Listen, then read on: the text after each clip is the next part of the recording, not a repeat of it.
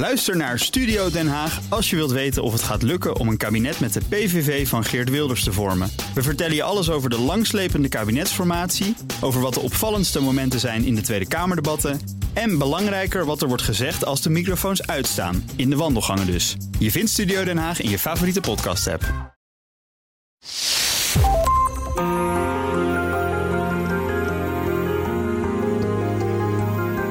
Je luistert naar De Stratege, een podcast van BNR in samenwerking met het Den Haag Centrum voor Strategische Studies. Mijn naam is Paul van Liemt.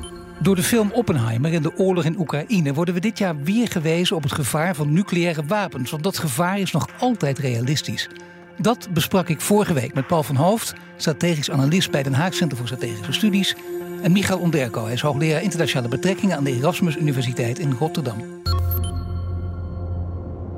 Die wapens zijn natuurlijk vreselijk. Ja, dat, die zijn ook een doelwit van, van een Sovjet of een Russische vergelding. Tegelijkertijd zijn ze ook een manier om ons veilig, veilig te houden. En te zorgen dat, dat andere wapens niet tegen ons worden Maar je zei, wij hadden ze zelfs kunnen hebben. Stel dat we niet tijd anders gedacht hadden. Er, had het, Ja. is, er, is er ergens een aanwijzing dat Nederland al ver mee was om kernwapens zelf te Als je, produceren, te als je maken? veel langer teruggaat in de jaren 50, liep- er waren genoeg. Iedereen zag dat je die wapen, dat je was met ener- atoomenergie bezig voor civiele doeleinden, maar zag ook dat je wapens van kon maken. En, Maar we en hadden de kennis en kunde, we hadden het kunnen doen. Als, als de willen was geweest, hadden we die wapens kunnen hebben in Nederland. al- als er geen eh, tegenstand was geweest van, eh, van bondgenoten. Ja. Dan was Nederland dus het kleinste land geweest Ja, ter wereld met kernwapens. Heel veel landen hadden kernwapens kunnen ontwikkelen in de jaren Was dat, 50, nu, 60. was dat nu in ons voordeel geweest als wij nu kernwapens hadden gehad? Was Nederland een kernmachtje geweest? Ehm, was het in ons voordeel geweest? Kijk, dat is een moeilijke. Want zie Michal heel hard lachen, dus ik ben benieuwd naar je antwoord. Dat, was het in ons voordeel geweest? Ehm, misschien. Heel, heel, heel misschien. Als je ervan uitgaat dat, dat daarmee dat, dat je de, de eerste periode had overleefd, dat, dat de VS en de Sovjets allebei dat hadden geaccepteerd. Als je, als je, dat, als je ook denkt dat je daarmee niet meer reden had gegeven aan nog meer landen om kernwapens te, te hebben. Als je, dan niet, als je niet denkt dat er dat met 100 kernwapen staat in de wereld, pak een beet, 50, dat er niet veel Ja. meer kansen waren geweest op ongelukken die, die waarschijnlijk dan al gebeurd waren. Dus ik, ik, ik, zou, ik zou niet makkelijk zeggen dat het een slecht idee was geweest, maar een goed idee was. Daar ben ik ook niet helemaal van overtuigd. Nee. Paul van Hoofd en Michael Onderko zijn opnieuw mijn gasten, want we gaan luisteraarsvragen beantwoorden. Ja, de eerste vraag, eh, heren, die kwam van Joachim en die wil het volgende weten. Is het aannemelijk om te stellen dat in de nabije decennia eerder meer landen kernwapens in hun bezit zullen krijgen door een nabije dreiging van peer competitors? En dan zegt hij: Ik denk aan landen als Japan, Australië, Saoedi-Arabië. Paul. Ehm, ik denk van wel. Ik denk dat, dat, dat er zijn een aantal landen, inderdaad, zoals Japan, Zuid-Korea, die, die worden gezien als latente nucleaire staten. Dus die behoorlijk, dichtbij zitten eh, met het ontwikkelen van een kernwapen. En ook de middelen hebben om die eh, veilig te houden. Dus dat betekent dat je het op een raket, een bommenwerper, wat dan ook kan, kan zetten. Ehm, en waar dat heel erg van af zal hangen, eh, is de toekomstige rol van de VS in de wereld. Kijk, er zijn dus heel Ja. veel bondgenoten van, van de VS in Europa en Azië die tijdens de Koude Oorlog hebben afgezien van het ont- ontwikkelen van kernwapens. Dat is eigenlijk alleen Groot-Brittannië en Frankrijk die dat hebben gedaan. Groot-Brittannië omdat ze al samenwerkt met de VS. Frankrijk omdat die toch weigerde die, die, die kwetsbaarheid, die afhankelijkheid van de. VS te, te accepteren. En dat nog steeds weigeren Ja. te doen. Maar andere landen hebben op, op basis van een soort druk en beloftes van de VS dat daarvan afgezien.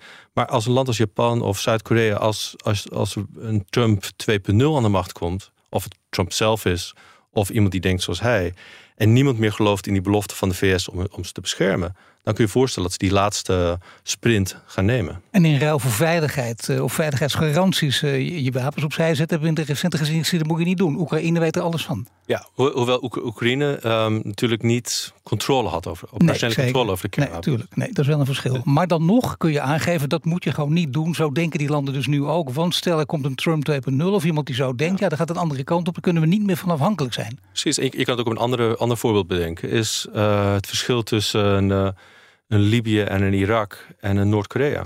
Kijk, Noord-Korea heeft alle regels overtreden. Het is een land dat, dat nauwelijks dat op het punt van uiteenvallen staat.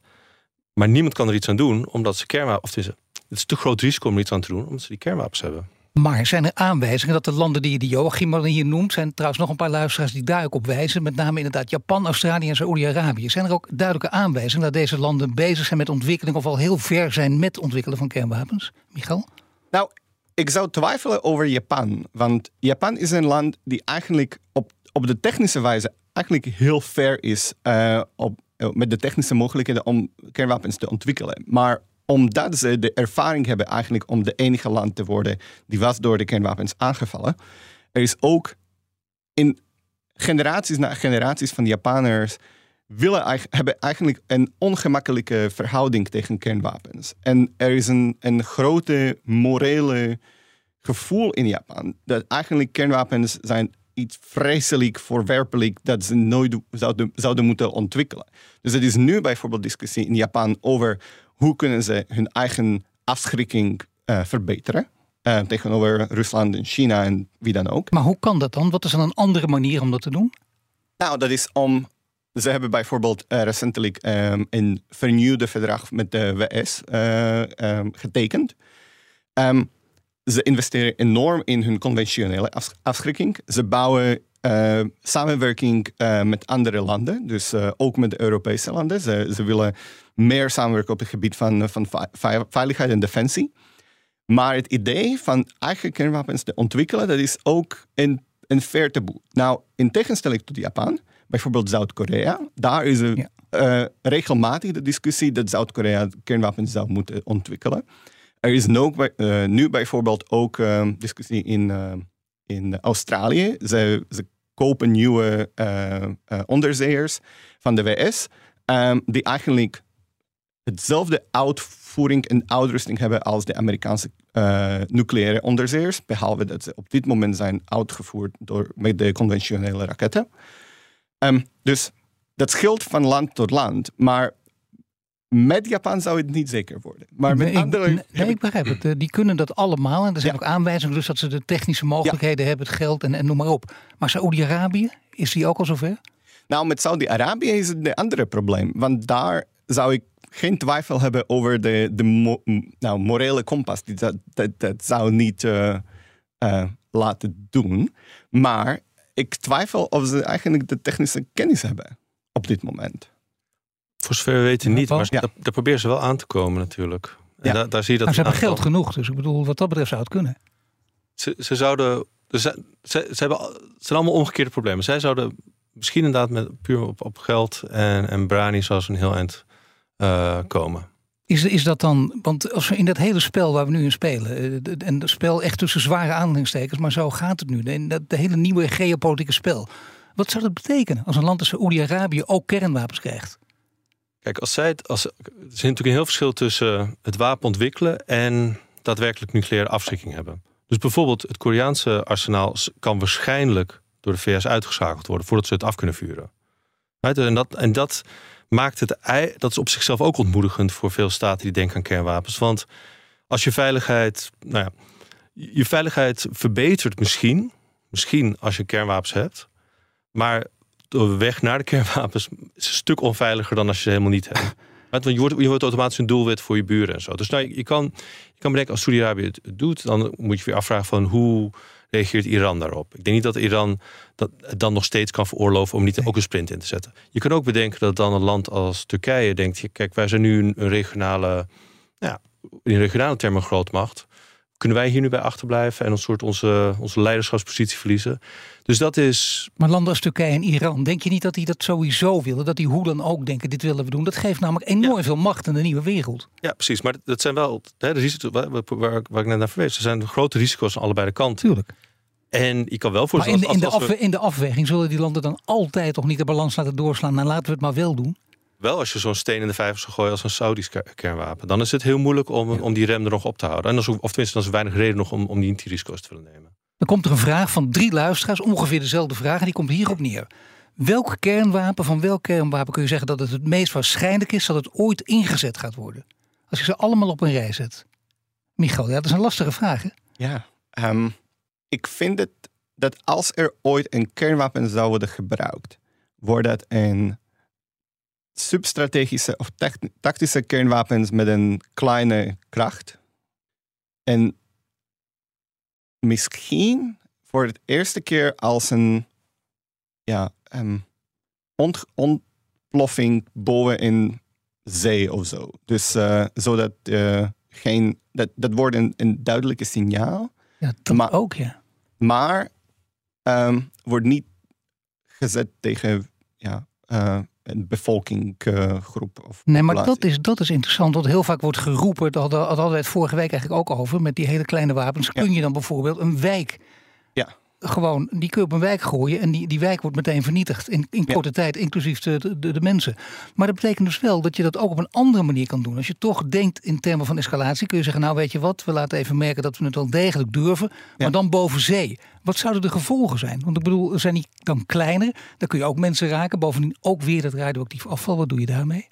Nee, maar ja, precies wat je zegt. De gevolgen zouden zoveel kleiner zijn dat het misschien acceptabel genoeg gevonden wordt. Dus dat het niet, het doorbreekt het taboe, maar je hebt, niet, je hebt laat zeggen, misschien alleen wat, wat vissen gedood en misschien als boven hè, we gaan even uit van het scenario dat boven Ja. zee plaatsvindt en misschien wat schepen die in de buurt waren. Het is, het is, niet, het is niet niks, maar het is wel een echt dat schot voor de boeg. Uh, en dat, dat is ook waar die wapens heel vaak voor ontworpen zijn. Bijvoorbeeld de Fransen hadden vroeger ker- eh, tactische kernwapens. En de namen daarvan, Pluton en Hades, waren soort veelzeggend. Het was echt soort, je staat nu aan de poort van de onderwereld. De, de Fransen hebben bijvoorbeeld nog steeds geen, nog, hebben geen tactische kernwapens, maar die hebben wel de mogelijkheid om hun kernwapens onder hun rafales te zetten. En zeggen ook expliciet dat als er een crisis de rafales opstijgen, dat de tegenstander moet weten dat ze potentieel bewapend kunnen zijn met kernwapens.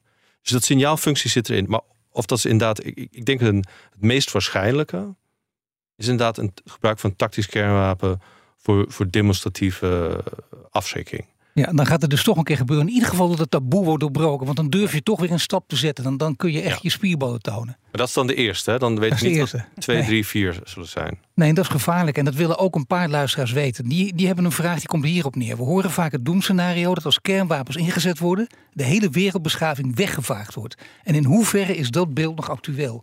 Nou even, we praten ook naar aanleiding van de film van, van Robert Oppenheimer natuurlijk. En een van de verontrustende details van Oppenheimer... is het moment van theoretische onzekerheid. Voor een leek onbegrijpelijk gecalculeerd risico... door de mannen die destijds verantwoordelijkheid droegen... voor de ontwikkeling van de bom. Bijna nul was de kans dat de eerste atoombom op 16 juli 45 een fatale kettingreactie van explosies in de atmosfeer zou veroorzaken. Maar ja, bijna nul, daar gaat het om.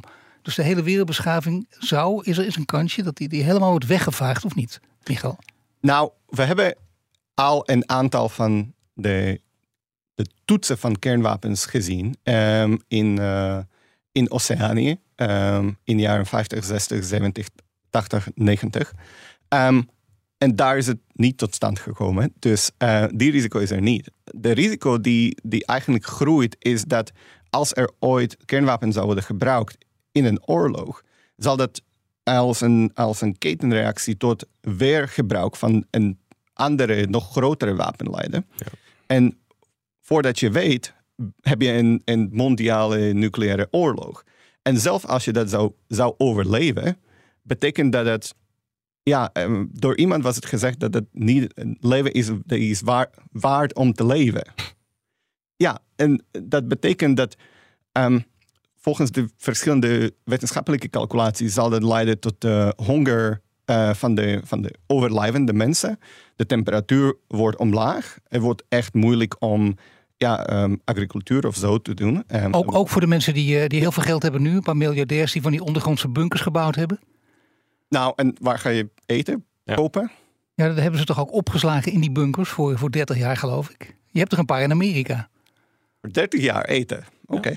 Het zou niet heel lekker zijn, maar, nee, maar dat, is inderdaad het, eh, dat is inderdaad het gevaar. Dus, eh, kijk, bij Oppenheimer, eigenlijk eh, als, als metafoor voor, voor het nucleaire tijdperk is het goed. Inderdaad, die onzekerheid van alsof het tot een bepaalde fysieke reactie zou leiden. Maar wat Michael net zei, dat is, het is de politieke kettingreactie waar we ons zorgen over maken. Eh, een paar kern, nogmaals, niet om te trivialiseren, maar het gebruik van een Ja. paar tactische kernwapens is niet het einde van de wereld. Het, ge- het vernietigen van een stad is niet het einde van de wereld. Ook al zal vernietiging van een stad heel veel rotzooi in de atmosfeer gooien, een hele, heel groot deel van het land eromheen vergiftigen. Maar als er genoeg wapens ontploffen, ook al zijn die aan de andere kant van de wereld, komt er zoveel rotzooi in de atmosfeer. En hoe, hoe ernstig dat precies zal zijn, daar verschillende meningen van. Maar het zal in ieder geval zorgen, net zoals bij een supervulkaan, Ja. dat eh, de zon er niet doorheen komt, de temperatuur daalt, landbouw niet kan plaatsvinden. En dat er dus dan heel veel secundaire en tertiaire effecten zijn op de rest van de wereld. De laatste vraag, die komt van twee luisteraars. Jullie mogen ook zeggen dat het een naïeve vraag is, maar misschien helemaal niet. Zou het ooit mogelijk zijn dat iedereen zijn kernwapens vernietigt? Dus dat er een verdrag komt in dat wordt afgesproken dat iedereen ook zijn kernwapens gaat vernietigen? Michael. Ik denk dat het niet onmogelijk is, maar dat moet, voordat dat zal gebeuren, uh, moeten we in een, in een wereld uh, leven waar ten eerste de landen kunnen elkaar beloven dat de andere had alle wapens vernietigd en dat, ja, en dat ze blijven aan, aan, aan het ze houden aan het, aan het uh, verdrag. Ook, ook, als je het doet dan nog en je houdt je aan het verdrag, dan blijft die kennis al bestaan. Dus wat heb je eraan? Ja, maar dan kan je, als, als je ooit kan monitoren dat de andere eigenlijk de, de, de wapens niet bouwen, of, of dat ze dat niet weer bouwen, dan kan je dat to toch hebben. Wordt het moeilijk? Ja. Uh, maar dan, dan hebben we, mis, we, misschien een andere type technologie nodig. Een andere uh, situatie, mogelijke, is dat we op een of ander moment een technologie krijgen die eigenlijk zo vernietigend is als kernwapens, maar misschien met, met minder risico's. En dan worden de kernwapens op een of ander moment waardeloos. Nou ja, en daar had uh, Paul het vorige week eigenlijk al over. Die hinten daar al een beetje op. Hè. Kijk, we weten niet precies wat AI gaat doen. natuurlijk is dat, dat is een enorme gamechanger natuurlijk. Ook in combinatie met die kernwapens. Zou dat dan tot de fatale klap kunnen leiden? Het, het vergroot, er zijn nu een aantal dingen die gewoon de, risico's vergroten. Hè. Dus als, als we hebben nu over dat is technologische dreiging. Um, net zoals dat de Oppenheimer film. Hè, dus het is, gaat niet om de fysieke kernre, uh, kernreactie. Het gaat om de politieke kernreactie. Um, technologie maakt, dat, maakt alles potentieel sneller. Um, je kan denken dat, dat delen van misschien de informatieverzameling. Denk niet besluitvormingsproces, maar informatieverzameling uit handen worden gegeven en geautomatiseerd worden. Dus je kunt op een aantal manieren bedenken dat je dat, dat hele soort ja, dat hele soort snelle, als ik niet als eerste schiet, dan verlies ik. En waar de controle van de mens uiteindelijk ook ontbreekt of weggaat. Ik denk niet dat de controle helemaal weggaat, maar je kan voor, dat, zal, dat zal nooit, uh, dat zal niemand willen doen op geen enkele kernwapenstaat, denk ik.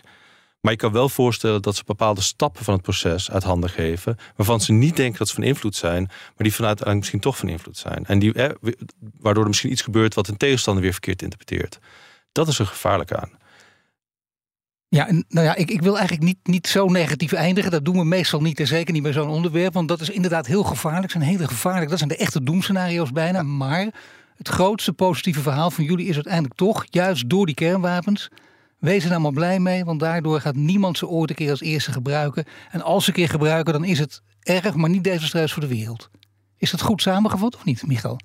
Ja, ik, ik denk het wel. En ik denk dat ook een van de mogelijke positieve uh, uh, berichten is dat als iedereen eigenlijk echt uh, rationaal denkt over kernwapens, dan zouden ze wel dreigen, maar nooit gebruiken. Ja, ja. Dat. En kijk, het is ons eerder gelukt om het zo beheersbaar te maken. De tekenen zijn nu inderdaad allemaal slecht. Dat, dat is niet hoopgevend. Maar het is wel eerder gelukt om ze beheersbaar te maken. Dus eh, wat, wat dat wel vereist is dat, en het klinkt misschien niet zo spannend als eerste stap, maar dat we onze kennis hierover weer heel erg vergroten. Dat we weer precies begrijpen welk wapen doet wat. Met wie moeten we, hoe, wat, hoe zou dat in de verdacht kunnen beheers, beheersbaar kunnen maken? Want dat is eerder wel gelukt, ook met de Sovjets, die uiteindelijk ook niet soort, zoveel vriendelijker of leuker waren dan, dan de Russen. En er zijn natuurlijk ook pogingen om dat te doen met, met China. Dus er zijn manieren om het beheersbaar te maken. En dat is op zichzelf, dat, dat het ons tot nu toe is gelukt om, om, om niet het einde van de wereld tot stand te brengen, is op zichzelf hoopgevend. Nou, toch een beter einde. Oké, hartelijk dank heren Paul van Hoofd, strategisch analist bij Den Haag Centrum voor Strategische Studies. En Michael Onderko, hoogleraar internationale betrekkingen aan de Erasmus Universiteit in Rotterdam. Volgende week zijn we er weer met een reguliere aflevering van De Strateeg. Wil je De Strateeg vaker horen? Abonneer je dan in je favoriete podcast app en tot de volgende keer.